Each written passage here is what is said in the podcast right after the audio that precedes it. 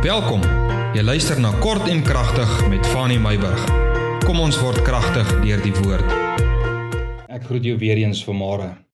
Ek het gesê ons kamp so bietjie in Johannes in die boek van Johannes. Ek is nog steeds in Johannes hoofstuk 12, nê? Nee. Gister het ons gepraat oor Maria se nardussalf en dat Lazarus ook daar aan die tafel was, iemand wat uit die dood het opgewek is. Ek wil met jou 'n bietjie daaroor gesels vanmôre. Johannes 12 vers 10 tot 11 En die owerpriesters het besluit om Lazarus ook om die lewe te bring.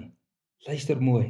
Die owerpriesters het besluit om Lazarus ook om die lewe te bring omdat baie van die Jode deur hom weggegaan en in Jesus geglo het. Wie jy, dis twee van die belaglikste verse wat ek in die Bybel kan lees. Daar's nog ander wat my ook verbaas. Wat vir my ook belaglik is, maar hierdie is twee belaglike verse. Johannes 12 vers 10 tot 11. Die owerpriesters het besluit om Lazarus ook om die lewe te bring omdat baie van die Jode deur hom weggegaan en in Jesus geglo het. Hierdie Lazarus is die een wat Jesus uit die dood uit opgewek het. Jy's reg. Hulle wil die een doodmaak wat Jesus uit die dood opgewek het. Lazarus se lewe is in gevaar. Hoekom wil hulle Lazarus doodmaak? Want baie mense glo in Jesus omdat hy deur Jesus uit die dood uit opgewek is. Lazarus sterf vir die tweede keer die dood in die oë.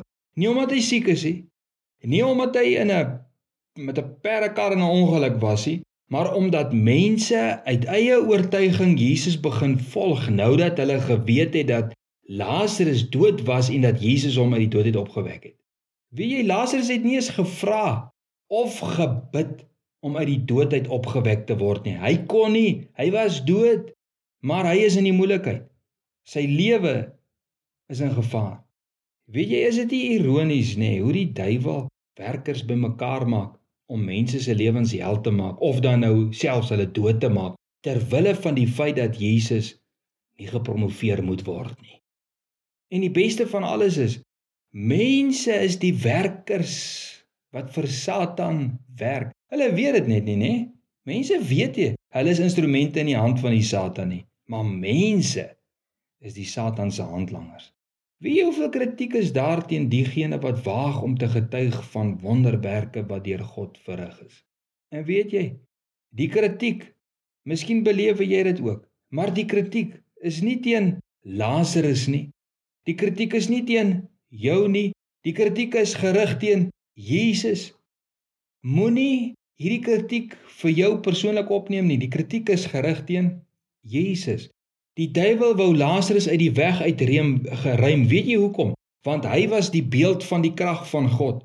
En Satan het geweet elke dag wat Lazarus se spore op hierdie aarde trap, het die koninkryk van Satan verlies gedoen. En weet jy wat wil ek nou vir jou vanmôre vra? Aan watter kant van die lyn staan jy? Is jy van die kritikuste of is jou lewe 'n lewendige getuienis van die wonderwerkende verlossende krag van Jesus Christus in jou lewe.